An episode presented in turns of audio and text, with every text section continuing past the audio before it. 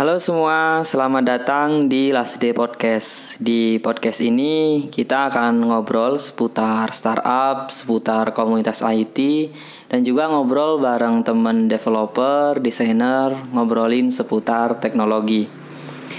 Bersama saya Irsat, kali ini uh, kita kedatangan tamu Mas Aris Samsudin dari Warung Belajar yang juga kerja sebagai programmer di instansi pendidikan. Oke, kita kasih waktu buat Mas Aris kenalan. Sebelumnya saya ucapkan uh, selamat datang Mas Aris di Last Day Podcast.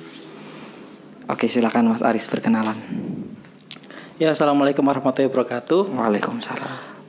Uh, perkenalkan nama saya Aris Samsudin. Saya adalah seorang web developer di salah satu perguruan tinggi negeri di Surabaya.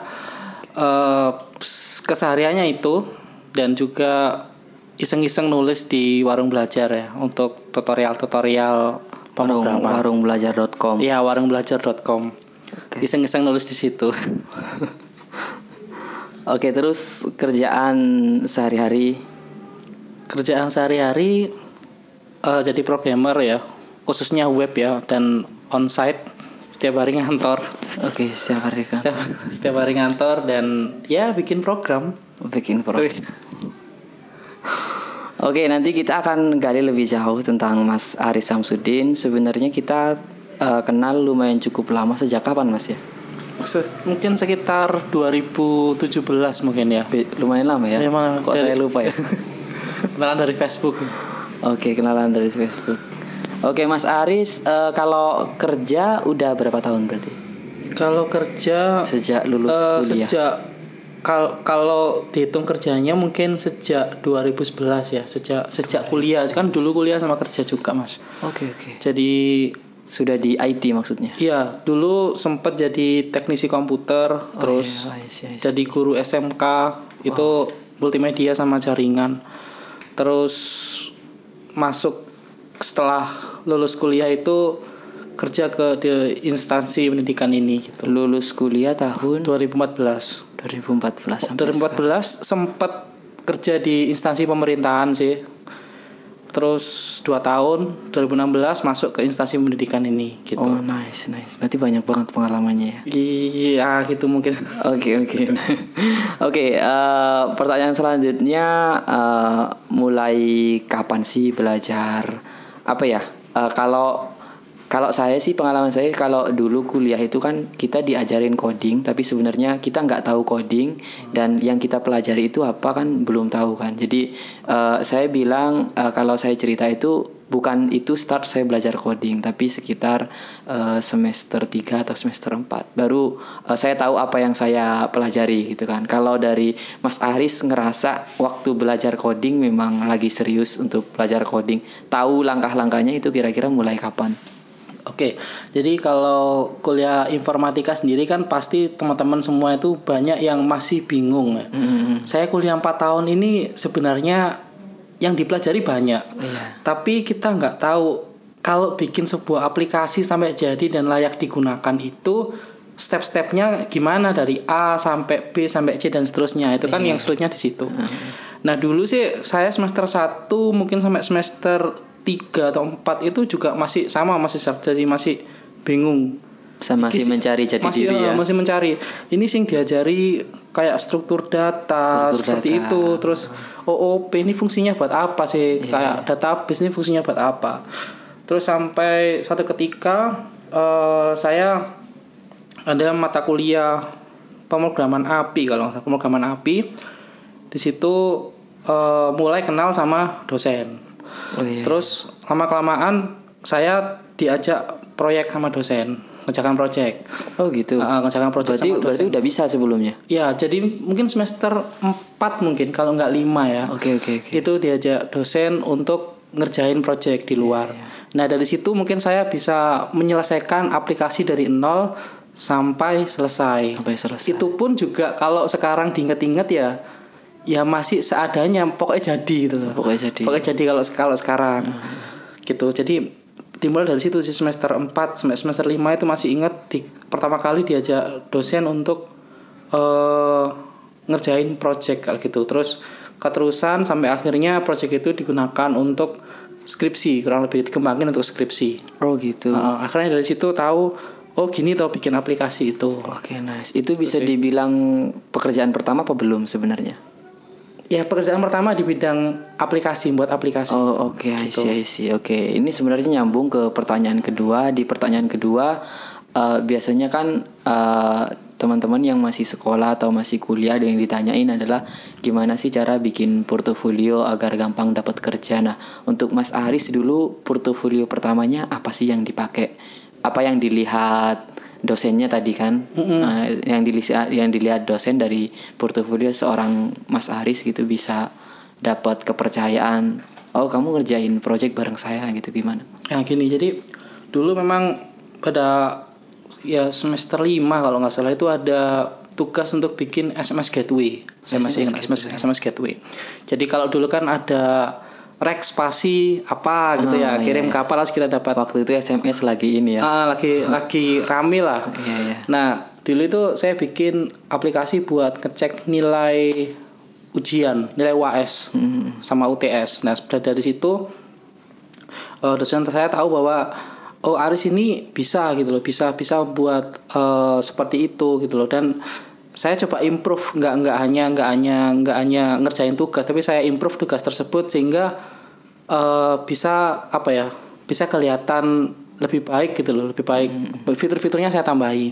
Oke. Nah dari situ saya ditawari, Riz gimana kalau kamu apa tak kasih project sekali sekalian nanti kamu tak bimbing buat PKL sama skripsi. Begitu Tuh. Nah itu. Dosennya Ah. dosennya baik sekali. Ah itu baik sekali. Ya ada baik balik, sekali Bos. apa ada maunya?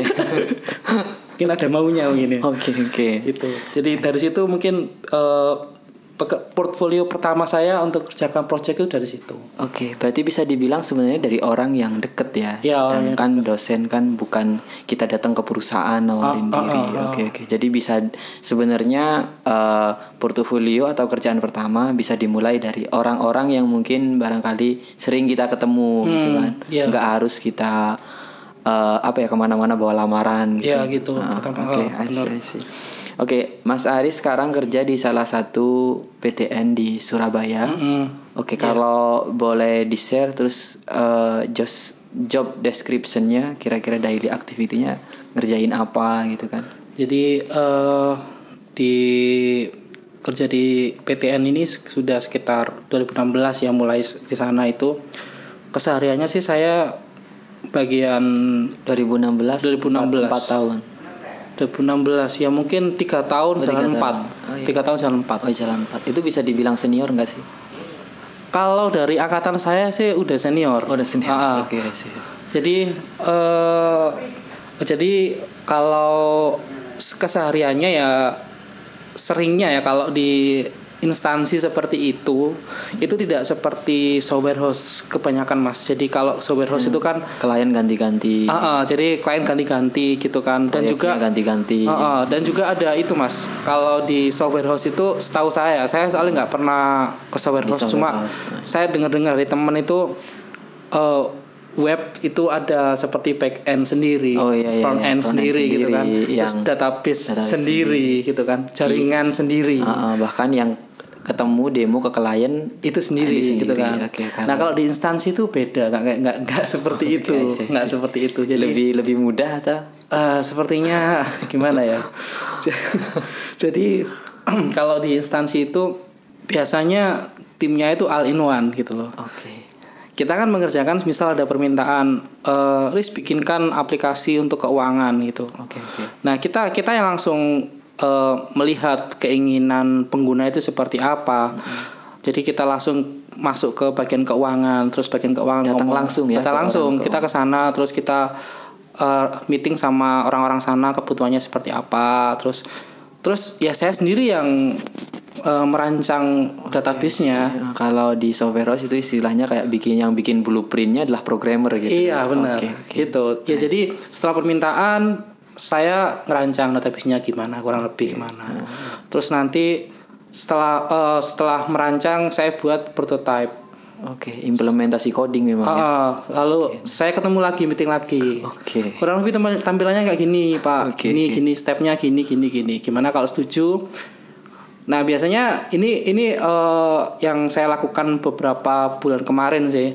Saya membuat sebuah report gitu. Jadi bukti bahwa saya saya sudah melakukan meeting dan mereka meminta request seperti ini. Oh, iya. Nah, biasanya mereka itu gonta-ganti mintanya. Oh, iya, gitu, iya, gonta-ganti. Kalau kalau di kalau di instansi kan kita nggak bisa nggak bisa membatasi request kan. Oh iya sih. Beda benar-benar. beda beda seperti di mungkin kalau di software host Harus ada perjanjian. perjanjian. Perjanjian gitu kan. Berapa kali? Ah, tapi kalau di sana kan selain kita memprogram kan kita dan kita juga merawat merawat sistem agar bisa terus eh, sesuai dengan kebutuhan di lapangan gitu loh. Oke, nice. Gitu Mas. Jadi kita kembali terus kita ngerjain kerjain lagi, meeting lagi seperti lagi. itu.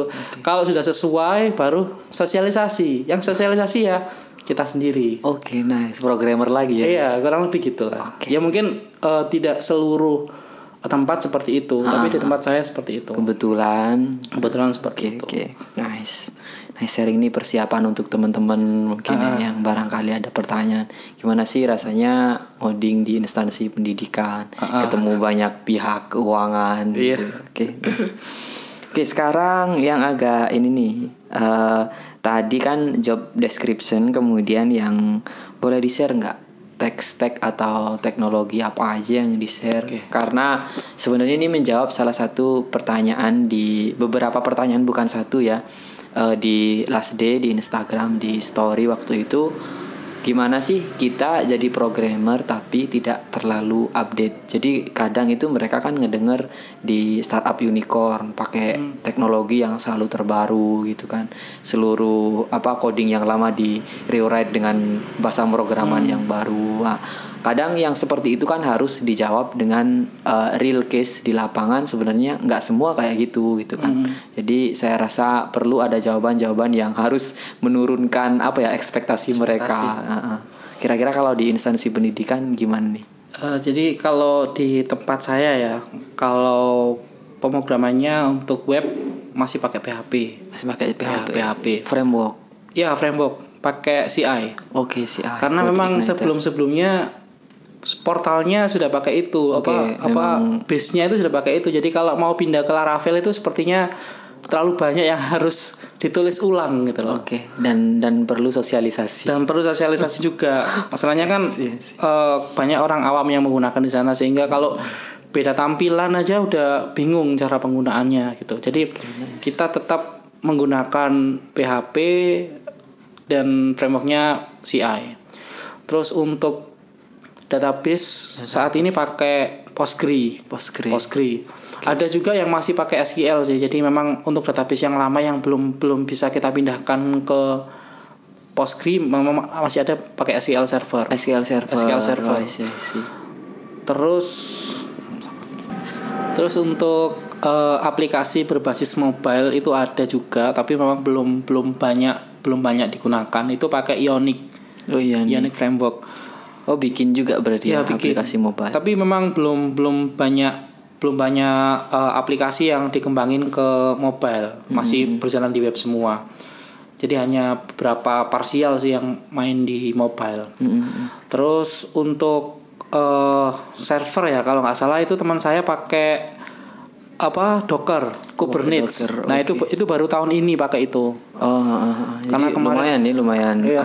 juga ikut teknologi kekinian. Pakai ya Docker, pakai Kubernetes. Kalau yang lain sih ya itu sih.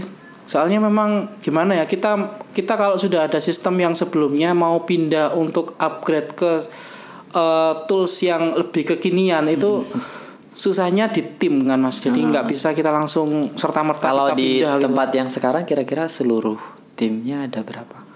Kalau Sama yang saya- ngurusin server juga mungkin. Hmm, tuh, satu ruangan itu ada satu dua tiga empat lima enam. Enam. Satu ruangan enam. enam eh, enam. Terus Yang yang, ada lagi ruangan. senior ada lagi senior dua orang. Oh ada dua. Ya, itu yang masuk sebelum saya. Oh, tuh I see, I dua orang. Itu yang masih pakai di SQL server. Mm, mm, mm, mm. Jadi sebenarnya kayak CI, kayak SQL Server, terus kemudian Postgre itu masih pelajaran di bangku kuliah sih kayaknya ya. Iya. Uh, tidak yang masih terjangkau kok. Masih harus. terjangkau, Oh, terjangkau banget gitu. terjangkau banget. Oke, sih sih. Terus kemudian dari ceritanya Mas Aris tadi kan sempat jadi teknisi, sempat Uh-uh. uh, terus yang sekarang ini yang lumayan agak lama tiga tahun bener nggak sih atau ada yang lebih lama lagi sebelumnya? Yang mana? Di mana? Yang sebelum di instansi pendidikan sebelumnya kerja di mana yang jauh lebih lama dari yang sekarang ada nggak Oh. sih? Kayak yang sekarang paling lama atau? Yang pal- paling lama sekali eh di itu sih di di sekolah di di, Di sekolah. ya setelah setelah saya lulus itu sempat ngajar. Eh, itu itu sekitar empat tahunan pokoknya Oh, sewaktu nice. kuliah itu sampai lulus Oh iya sih bener-bener dari Itu nunggu nunggu kuliah juga. ya eh, Oke, terus Yang lama. kemudian ini pertanyaan berikutnya kan Mas Aris pasti tahu beberapa pilihan bidang profesi untuk programmer ada yang full time onset, ada Hmm. yang remote worker, terus ada juga yang freelancer mungkin. Kira-kira apa sih yang membuat alasannya alasannya Mas Aris bertahan dengan profesi yang sekarang gitu kan? Apakah ada nilai-nilai kekeluargaan kah atau ada nilai lebih yang membuat oh, kayaknya saya di sini aja deh kan. hmm, kalau untuk saat ini sih yang terpikir eh, di saya memang onsite onsite dulu sih Hmm. Ken- kenapa ke onsite ya karena menurut saya hasilnya lebih lebih lebih jelas gitu kita Lebih kita jelas. tiap-tiap bulannya memang ada gitu loh dan setelah itu setelah eh, setelah kita sudah punya kejelasan maksudnya penghasilannya itu baru nanti mungkin yang freelance-nya tadi biasanya saya lakukan setelah jam kerja Oke, Gitu. jadi Mas Aris kadang suka kadang juga masih freelance. Iya, Oh iya. ya iya. gitu. Jadi si penting ada kerjaan tetap dulu gitu. Ah, Jadi ya betul, betul. saya pertahankan dulu untuk sementara ini. Terus ada tempat kerjanya gitu. ya. Iya, kalau ditanya biar bisa jawab gitu. Iya, betul, betul. Kurang lebih itu sih alasannya sih. Nggak ada alasan lain. Alasannya klasik, tapi seklasik-klasiknya itu masih relevan sampai sekarang. Oh, iya. Oke, kebe- ke- kemudian eh, kan teknologi kan kadang orang cerita update-nya cepat. Jadi Uh-uh. kalau mau apa survive di dunia IT harus sering update. Nah, kira-kira eh, ada nggak sih yang sedang Mas Aris oprek sekarang yang sebelumnya belum pernah dioprek terus sekarang lagi dipakai terus nyoba hal yang baru itu ada nggak sih? Kalau sekarang sih ngopreknya sih itu sih eh, mencoba untuk move on dari Dari dari code igniter. dari C- dari, dari CI CI, ya, tadi. di CI. Coba perlahan-lahan kan CI kan ya kalau project sih masih banyak yang di situ di CI sih cuma sekarang pingin nyoba ke Laravel gitu loh, Oke, lebih nice. lebih lebih apa ya lebih coba dalami gimana sih mesti ada nggak sih fitur-fitur yang belum belum pernah saya ketahui tentang Laravel ini Ah, see, I yang yang mungkin di CI itu jarang digunakan gitu loh yang Hmm. memudahkan saya untuk ngoding web Oke, Kan- jadi kalau boleh tadi lupa nggak di mention. Jadi sebenarnya sama Mas Aris kita ada konten kolaborasi di Last Day. Kan ini channel podcastnya Last Day ya. Ah. Ah, jadi Mas Aris juga yang bikin Laravel. Jadi itu salah satu teknologi dari Mas Aris yang dioprek ya. Karena Iya. di kerjaan nggak pakai itu Iya, juga. nggak pakai itu. Ah, jadi di kerjaan Mas Aris pakai CI. Jadi sekarang ngopreknya ke Laravel. Oh, oh. Oke. nah. Soalnya kan kalau di instansi seperti itu itu aslinya tidak tidak memikirkan eh, teknologi apa sih yang kamu gunakan gitu loh. Iya, iya. Yang penting ini ada SOP, kamu implementasikan jalan nggak di aplikasimu. Iya, iya. Gitu loh. Sehingga eh, untuk teman-teman yang belum belum belum up- update ke ilmu yang baru atau teknologi yang baru itu masih masih bisa kalau masuk di instansi biasanya Oh, gitu, gitu. sih. Oke, oke. Ya kalau kalau teknologi yang lagi tak pelajarin bener-bener ya yang Laravel tadi sih. Oke, selain Laravel ada lagi mungkin? Mungkin belajar ke mobile sih. Oh, mobile. Mobile. Oke sih. Saya masih belum. Oke, yang terakhir eh, ada nggak sih referensi belajar dari? Tapi Mas Aris udah punya website sendiri kok. Ini kan yang terakhir adalah referensi belajar buat teman-teman yang baru denger yang mungkin, oh Mas Aris ternyata teknologi yang dipakai CI sama SQL Server sama ada lagi Postgre. Kita kira eh, referensi belajar untuk teman-teman yang dengerin barangkali pengen juga nyoba nge-apply di instansi pendidikan jadi developer gitu kan. Eh kalau referensi belajar ya itu banyak sih kalau di YouTube di YouTube Tapi banyak tapi tapi sih. paling banyak di warung belajar gitu. Oh, iya. ya kalau itu kan series kan ya di ya warung kalau di belajar. warung belajar series ya di sana itu kalau mau belajar ada HTML terus CSS Bootstrap terus PHP basic PHP basic juga PHP ada. pure maksudnya PHP non, non framework Karena kalau ada orang yang nanya ke saya random kan orang nanya. Ah. Biasanya Marisat kalau referensi belajar di mana saya selalu jawab di mana aja tapi cari yang playlist atau series. Ah, Kenapa kok series? Karena mungkin cara membuat splash screen sebelum ke home gitu. Kamu lihat di channelnya programmer A, kemudian kamu pindah dari splash screen ke home-nya, pindah ke programmer B. Kan caranya bisa aja beda. Beda, Ah, beda. terus akhirnya mereka nggak sinkron. Kalau dari Mas Aris, eh, gimana sih sudut pandang yang seperti itu? Makanya saya selalu apa mereferensikan pokoknya playlist dan series. Kalau bisa satu developer, karena kamu harus mengikuti logika satu orang dulu. Nah, bener itu. Ah, iya kan? Benar, Sampai kamu bisa menguasai, akhirnya kamu pindah-pindah channel nggak apa-apa. Akhirnya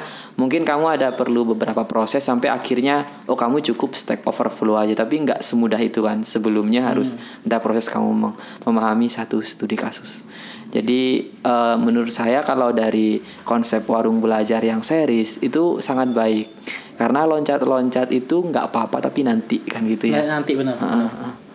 Asik. gitu sih Ada yang perlu di share lagi dari warung belajar mungkin? Iya, jadi hmm, bareng belajar ya. Ya jadi buat mungkin buat teman-teman yang yang mau belajar mengenai pemrograman dari Hmm. mulai basic mungkin ya dari mulai eh, HTML ya. Mungkin Oh iya basic dari basic HTML, banget, dari HTML bah basic banget. HTML ya jadi kalau mungkin buat teman-teman yang mau belajar pemrograman dari mulai basic ya dari mulai HTML itu kan basic banget dari yang digunakan untuk web terutama dari HTML lalu CSS lalu naik ke Bootstrap lalu PHP lalu ini terakhir kemarin saya buat sih kode igniter cuma sampai part 10 belum belum lanjut lagi karena ada kesibukan lai- lain juga sama Mas Irsat ini bikin Yes, screencast. bikin screencast. Jadi masih kepotong. Insya Allah nanti akan dilanjutkan lagi. Jadi di situ memang teman-teman akan belajar dari mulai awal step-stepnya sampai nanti kalau di PHP itu kalau nggak salah ada sampai bikin uh, CRUD sederhana gitu. Jadi Sampai bikin CRUD. ya sampai CRUD sederhana. Jadi mungkin teman-teman kalau biasanya bikin CRUD itu gimana sih dari awalnya mungkin bisa lihat di sana. Hmm, Jadi nggak langsung sampai jadi gitu. Jadi Hmm. mulai, eh, mulai dari basic-basicnya PHP itu bisa bisa teman-teman pelajari di sana. Oke. Dan free, free kok. Nggak Oh iya, nggak free. nggak pakai berbayar gitu. Oke. Eh, Mas Aris eh, aktif sosial medianya di mana? Di Instagram mungkin Instagramnya Insta- warung. warung belajar tapi ya gitu itu kadang aktif kadang enggak Oke, nice. Instagramnya di at warungbelajar.id @id atau Eh, kalau personalnya Ari Samsudin 2 MIND Oke, kita nanti taruh di deskripsi podcast aja ya. ya itulah. Kayaknya panjang banget. ya sama Facebook lah. Tapi sama Facebook. Aris Samsudin nanti ada yang di bio-nya ada warung belajar gitu ya. Heeh, gitu. Oke, I see. Sudah cukup kan Mas Aris ya? Oke, udah, Mas. eh, terima kasih buat Mas Aris sudah sharing buat teman-teman. Semoga ada yang bermanfaat. Mohon maaf kalau sebelumnya ada noise-noise. Jadi saat ini saya sedang di rumahnya Mas Aris dan rumahnya itu deket sama jalan bandara. ya bandara Nah, jadi kalau ada suara-suara pesawat sebelumnya yang sudah berusaha saya potong tapi tetap ada gitu kan, eh, kami mohon maaf gitu kan. Sekian dari saya, terima kasih dan sampai jumpa di episode Last Day Podcast selanjutnya. See you guys.